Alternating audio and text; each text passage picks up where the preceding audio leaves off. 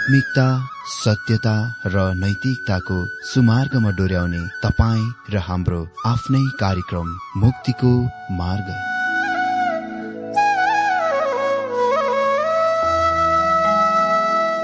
आदरणीय श्रोता यस मुक्तिको मार्ग कार्यक्रममा हार्दिक स्वागत छ। आशा छ यस आत्मिक कार्यक्रमद्वारा जीवनमा आत्मिक आशिष अलौकिक शान्ति र आनन्द प्राप्त गर्नुहुनेछ। र जीवनमा धन्य अनुभव गर्नुहुनेछ। आउनुहोस् श्रोता। मन र आत्माको तयारीको लागि यो मिठो अनि मधुर भजन गीत सुनौ।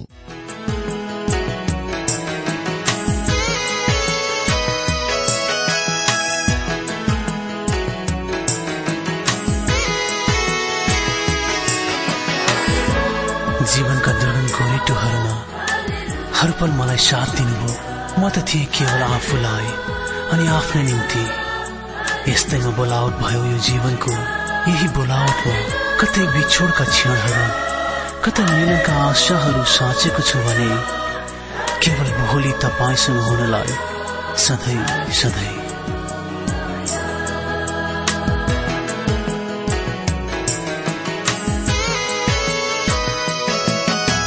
मिलनको त्यो आशामा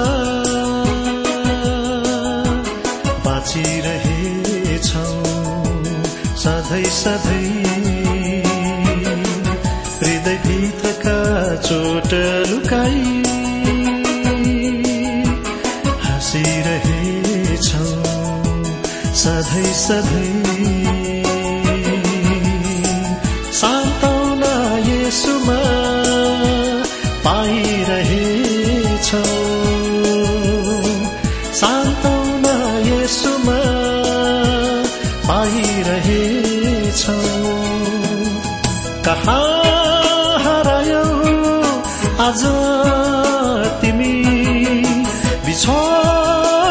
आज हामी फेरि मिलनको त्यो आशामा बाँचिरहेछौ। सधैँ सधैँ जब हामी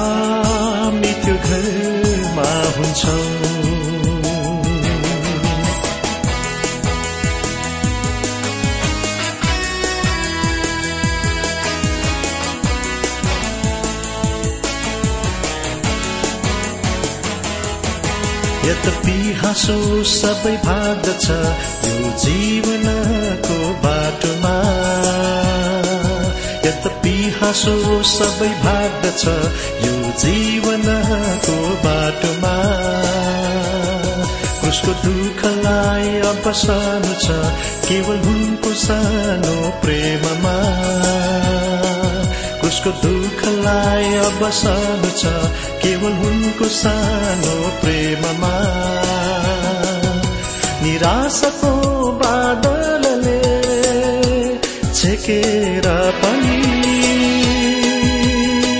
सान्तौना यसुमा पाइरहेछौ। कहाँ हरायौ? आज तिमी बिछोडिएछौ। आज हामी आशामा बाँचिरहेछौ। सधैँ सधैँ जब हामी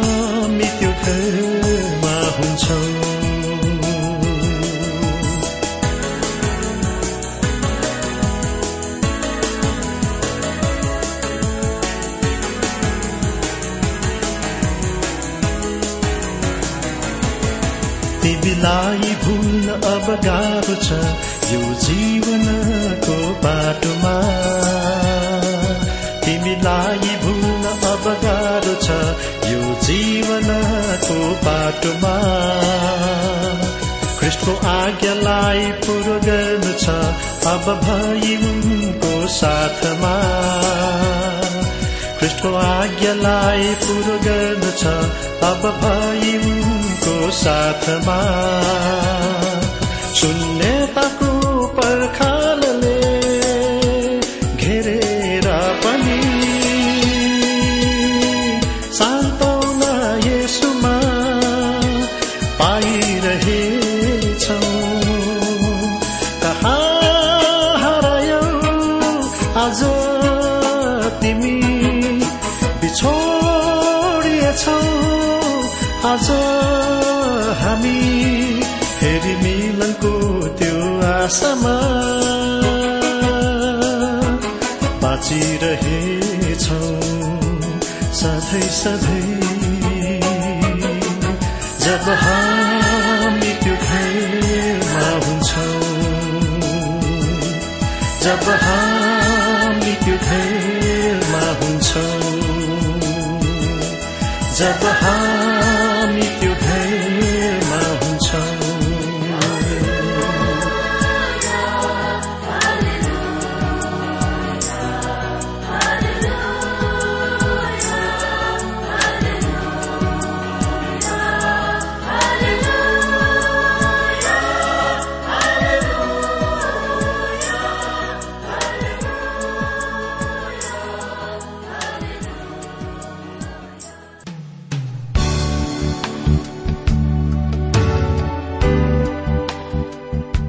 प्रिय श्रोता यो प्रसारण मार्फत यो अवगत गराउन चाहन्छौ कि प्रभुको सेवाको लागि यहाँहरूको साझेदारी नित्यन्त आवश्यकता छ।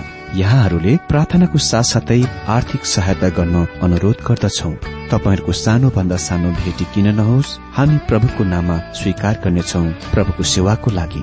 तपाईँहरूको यो सानो लगानीले कसैको जीवनमा भिन्नता ल्याउँछ अनि प्रभुको महिमा हुन्छ। प्रभु तपाईँहरूलाई महान गरी आशिष दिनुहुनेछ। इच्छुक श्रोताहरूले तपाईँको इच्छा भेटी हाम्रो ठेगानामा पठाउन सक्नुहुन्छ जुन ठेगाना हामी कार्यक्रमको अन्तमा दिनेछौ। प्रिय श्रोता मित्र प्रभु येशु ख्रिष्टको मधुर अनि सामर्थ्य नाममा मेरो जयमसी साथै हार्दिक स्वागत छ आजको यो बाइबल अध्ययन कार्यक्रममा। श्रोता अघिल्लो कार्यक्रममा हामीले दोस्रो पत्रुस तीन अध्यय चारदेखि सात पदबाट संसारको लागि परमेश्वरको कार्यक्रम योजना अन्तर्गत तीन प्रकारका संसारहरूमध्ये पहिलो संसारको देखिसकेका छौं र दोस्रो नम्बरका संसारको बारेमा पनि अलिकति केही मात्रामा हेरिसकेका छौं। श्रोता हामीले पद पाँच र छ पदमा भूतकालीन संसारको बारेमा अर्थात संसार नम्बर एकको बारेमा विवरणसहित देखेका थियौं। अनि त्यहाँ हामीले देखेका थियौं कि संसार नम्बर वान वा भूतकालीन संसार जल प्रलयद्वारा नष्ट भयो। अनि पत्रुस संसार नम्बर दुई जुन वर्तमान संसार हो त्यसको पेश गर्दछन्। अनि यस वर्तमान संसारमा तपाईँ र म रहेका छौं। यसको बारेमा हामीले अलिकति अध्ययन गरिसकेका छौं। एकपल्ट अघिल्लो दिनमा हेरिसकेको पद सातको एकपल्ट पढिदिन्छु त्यसपछि हामी यही विषयलाई अर्थात वर्तमान संसारको बारेमा दोस्रो पत्रुस तीन अध्यय आठ बाह्र पदबाट बाइबल अध्ययन गर्नेछौ। दोस्रो पत्रुस तीन अध्ययको सात पदमा लेखिएको छ तर त्यही वचनले भक्तिहीन मानिसको इन्साफ र विनाशको दिनसम्मको लागि अहिलेको आकाश र पृथ्वी आगोको निम्ति साँची राखिएको छ। यस पदले भन्दछ यो पृथ्वी आगोको लागि साँचिएको छ। हजुर यस संसारलाई नष्ट गर्ने त्यहाँ अर्को जल प्रलय हुने छैन। त्यो दण्ड भूतकालमा भइसकेको छ। पानीले त्यस भूतकालीन संसारलाई नष्ट गरिसकेको छ। अहिले तपाईँ र म रहेको यो संसार अर्को दण्डको लागि साँचिएको छ अर्थात आगोको दण्डको लागि। अर्को शब्दमा यो वर्तमान संसार क्षणिक अस्थायी हो। यो अर्को दण्डतिर बढ़िरहेको छ अनि पत्रुसले यसको पद दशमा हामीलाई अधिक विवरणमा बताउनेछन्। दोस्रो पत्रुस तीन अध्ययको आठ पदमा लेखिएको छ तर यो एउटा कुरा नभूल कि प्रभुको निम्ति एक दिन हजार वर्ष झै र हजार वर्ष एक दिन झै हुन्छ। अहिले यो स्पष्ट छ कि आकाश र पृथ्वीका विध्वंस विनाश परमप्रभुको दिन अवधिमा हुनेछ वा स्थान लिनेछ। यो कुराको याद राख्नु पर्दछ कि यो परमप्रभुको दिन त्यस समय अवधिसम्म फैलिन्दछ जुनमा क्लेशकालको सात वर्ष र मसिहाको हजार वर्षीय राज्य युगको सामेल हुँदछ। जब प्रभु येशु महाक्लेशमा अन्ततिर पृथ्वीमा फर्की आउनुहुन्छ र उहाँले यहाँ आफ्नो राज्यको स्थापन गर्नुहुनेछ उहाँले यो पृथ्वीको नयाँ गर्नुहुनेछ। तर सधैँको लागि स्थायी नयाँ अवस्था हुने छैन।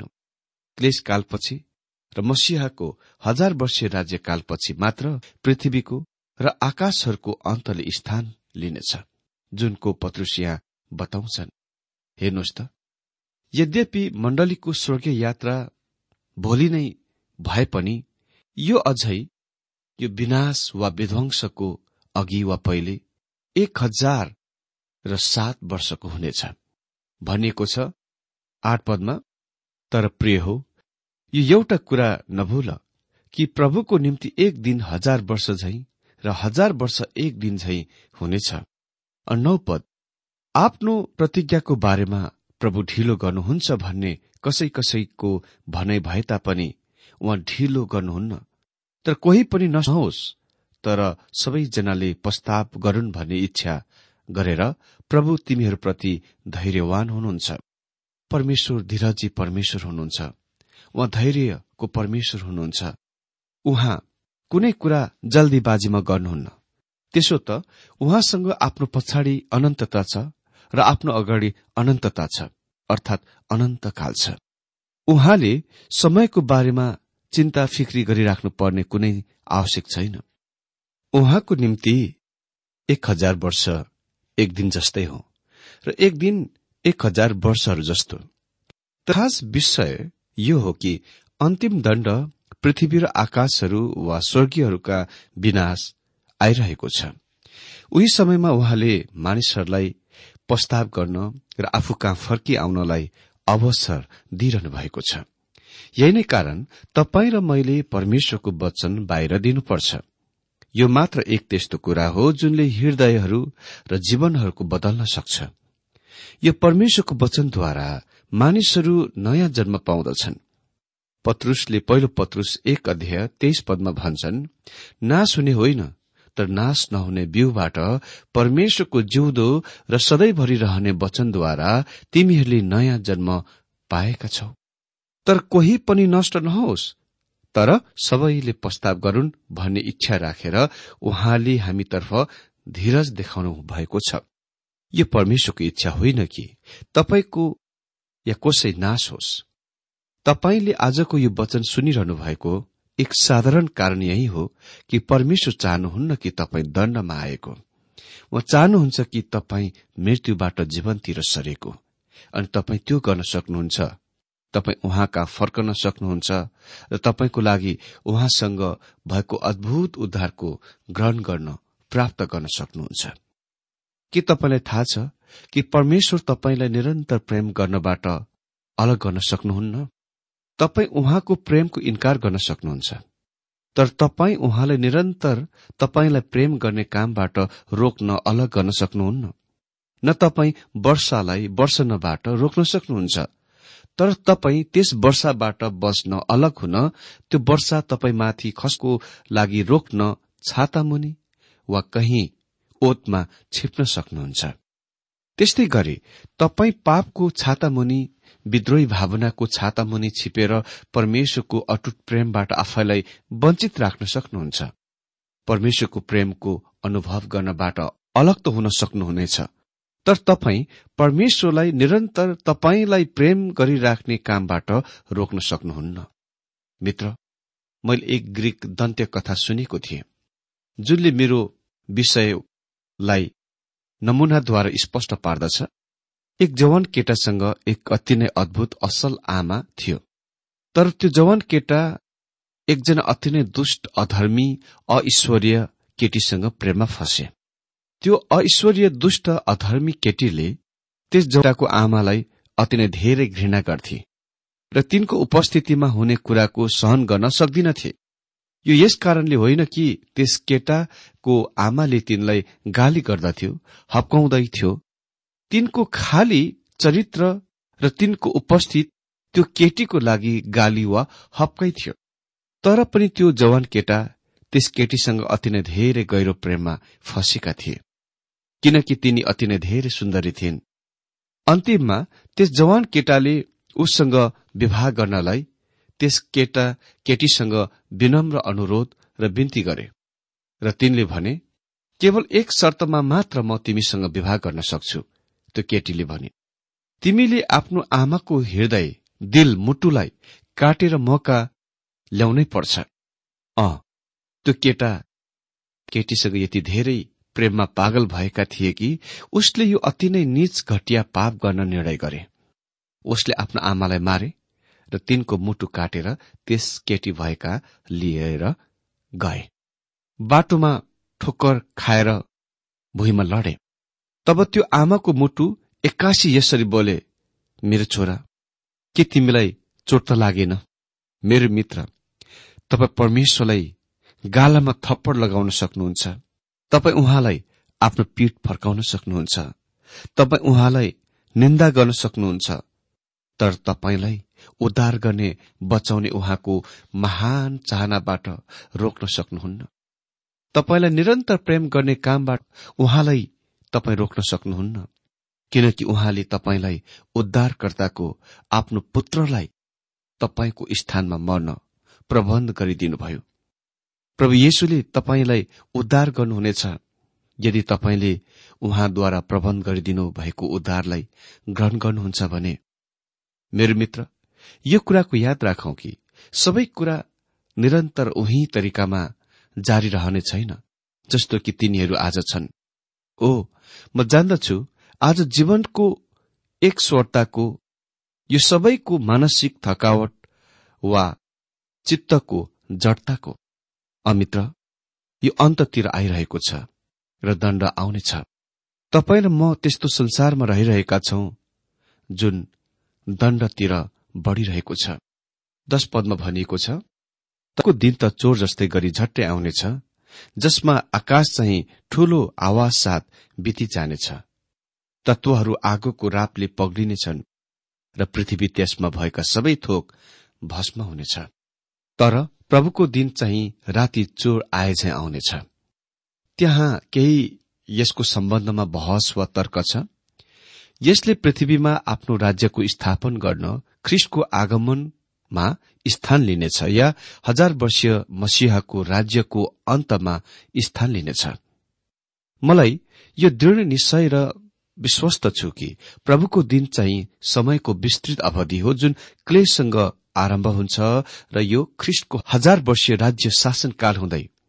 शैतानद्वारा संक्षिप्त विद्रोह र महान सेतु सिंहासनको दण्डको दिनसम्म फैलछ वा विस्तृत हुँदछ। त्यसपछि हामी प्रकाशको पुस्तकमा पाउँदछौ कि नयाँ आकाशहरू वा नयाँ स्वर्गीयहरू र नयाँ पृथ्वी दृश्यमा आउँछ। रातमा चोर झै उही अभिव्यक्तको पावल पहिलो तेस्लोदेखि पाँच अध्ययको दुई पदमा प्रयोग गर्छन्। जुनले यो संकेत गर्दछ कि यो आकस्मिक वा अचानक शुरू हुनेछ। भनिएको छ तर प्रभुको दिन त चोर जस्तै गरी झट्टै आउनेछ। जसमा आकाश चाहिँ ठूल आवाज साथ बिति जानेछ तत्वहरू आगोको रापले पग्लिनेछन् र पृथ्वी र त्यसमा भएका सबै थोक भस्म हुनेछ। पत्रुस भनिरहेका छन् कि परमेश्वरले भविष्यमा दण्ड दिनुहुनेछ जस्तो कि उहाँले भूतकालमा दण्ड दिनुभएको थियो। यो अध्यायको आरम्भमा आरम्भमा गिल्ला गर्नेहरूले भन्नेछन् चार पदमा लेखेको छ उहाँको आगमनको प्रतिज्ञा कहाँ गयो? किनकि पिता पुर्खाहरू सुतिसकेका दिनदेखि नै सबै कुरा सृष्टिको शुरूदेखि चलिआए जस्तै आज पनि छँदैछ। गिल्ला गर्नेहरूका महान भ्रान्ति भ्रम भूतकालको थाहा नपाउने कुरामा छ। अरू त के? क्रम विकासवादमा विश्वास गर्ने वैज्ञानिकहरू यो तथ्यको धेरै कुरा बनाउँछन् कि भूतकालमा अति नै ठूलो दुर्गति वा सर्वनाशले स्थान लिएथ्यो। अनि यसमा कुनै सन्देह छैन किनकि यसको प्रमाणहरू पर्याप्त रूपमा पाइएको छ पुरातत्वविदहरूद्वारा श्रोता त्यो सर्वनाश वा विपत्ति परमेश्वरको दण्ड थियो। त्यो बाइबलमा स्पष्ट रूपमा थाहा पाउँछौ। परमप्रभुको दिनले दण्डको पनि सामेल गर्नेछ। शास्त्रमा परमप्रभुको दिन अति नै प्रसिद्ध कथन हो। भविष्य वक्ताहरूले प्रयोग गरे। प्रभु येशुले प्रयोग गर्नुभयो अनि धेरै नयाँ नियमका लेखकहरूले यसको प्रयोग गरे। यो पारभाषिक कथन वा शब्द हो। परमप्रभुको दिन अन्धकारमा शुरू हुन्छ जुन पुरानो नियम भविष्य वक्ताले भनेथे त्यो क्लेशसँग आरम्भ हुन्छ र यो पृथ्वीको महान दण्ड अर्थात आगोद्वारा यसको विनाश हुने कुरासँग अन्त हुनेछ। यो यस प्रकारले आरम्भ हुनेछ। सर्वप्रथममा यो क्लेशको सात वर्ष अवधिदेखि आरम्भ हुनेछ अनि पृथ्वीमा आफ्ना राज्यको स्थापित गर्न ख्रिष्टको आगमन हुनेछ र त्यहाँ ख्रिष्टको हजार वर्षीय राज्य हुनेछ। शैतान केही समय मुक्त गराइनेछ र त्यसलाई साथ दिनेहरूको संक्षिप्त विद्रोह हुनेछ र शैतानको अन्तिम कैद गरिनेछ र पापाईमा मरेका घुमेका निन्दित मानिसहरू श्वेत सिंहासनको न्यायको अगाडि उभिनेछन्।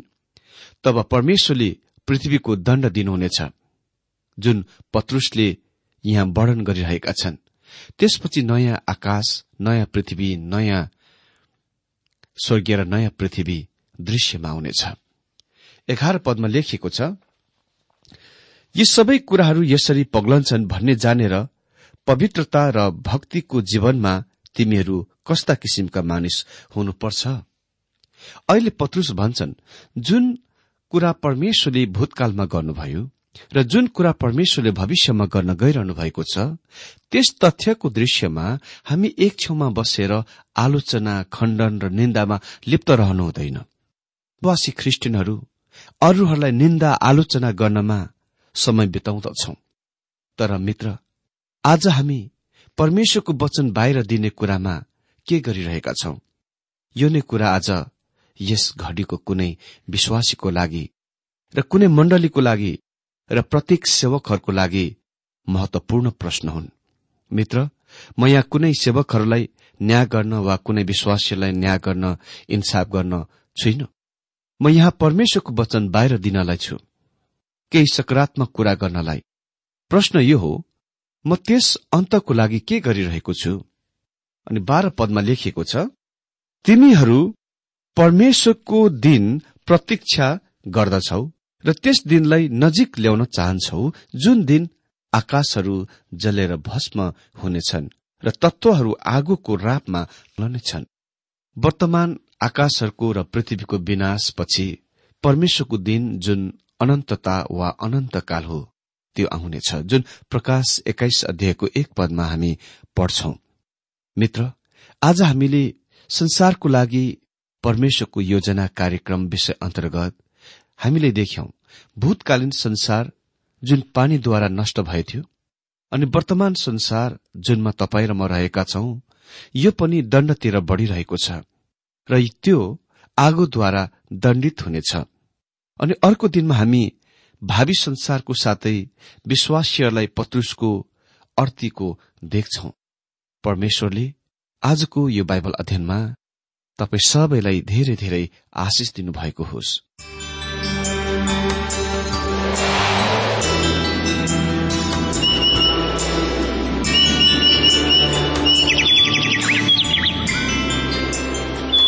प्रिय श्रोता अहिले भर्खरै तपाईँले टीडब्ल्यूआर नेपालद्वारा सञ्चालित आत्मिक कार्यक्रम मुक्तिको मार्ग सुनिरहनु भएको थियो। श्रोता आजको यो कार्यक्रम सुनेर तपाईँलाई कस्तो लाग्यो? यदि यो कार्यक्रम सुनेर मनमा कुनै खुल्दुली वा कुनै प्रतिक्रिया अर्थात सुझावहरू छन् भने हामीलाई पत्रद्वारा लेख्न सक्नुहुनेछ।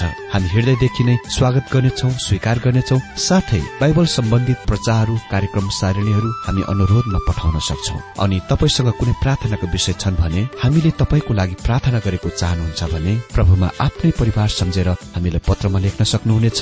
तपाईँको लागि हामी प्रभु येशुसँग प्रार्थना गर्नेछौ। अधिक जानकारी र पत्रचारको लागि हाम्रो ठेगाना यस प्रकार छ। कार्यक्रम मुक्तिको मार्ग जीपीओ नम्बर उनानब्बे पचहत्तर इपिसी पच्चिस एकसठी काठमाडौँ। ठेगाना एकपल्ट सुन्नुहोला। कार्यक्रम मुक्तिको मार्ग जीपीओ नम्बर उनानब्बे पचहत्तर इपिसी पच्चिस एकसठी काठमाडौँ। हाम्रो इमेल एड्रेस हो TWR Nepal at Yahoo dot com. साथै यस नम्बरमा एसएमएस गर्न सक्नुहुनेछ अन्ठानब्बे चार सत्तरी पैतिस छ सय उनासी नौ आठ चार सात जिरो तीन पाँच छ सात नौ। हुन्छ श्रोता आजलाई हामी विदा चाहन्छौ। अर्को कार्यक्रममा हामी पुनः भेट्नेछौ तबसम्मलाई नमस्कार।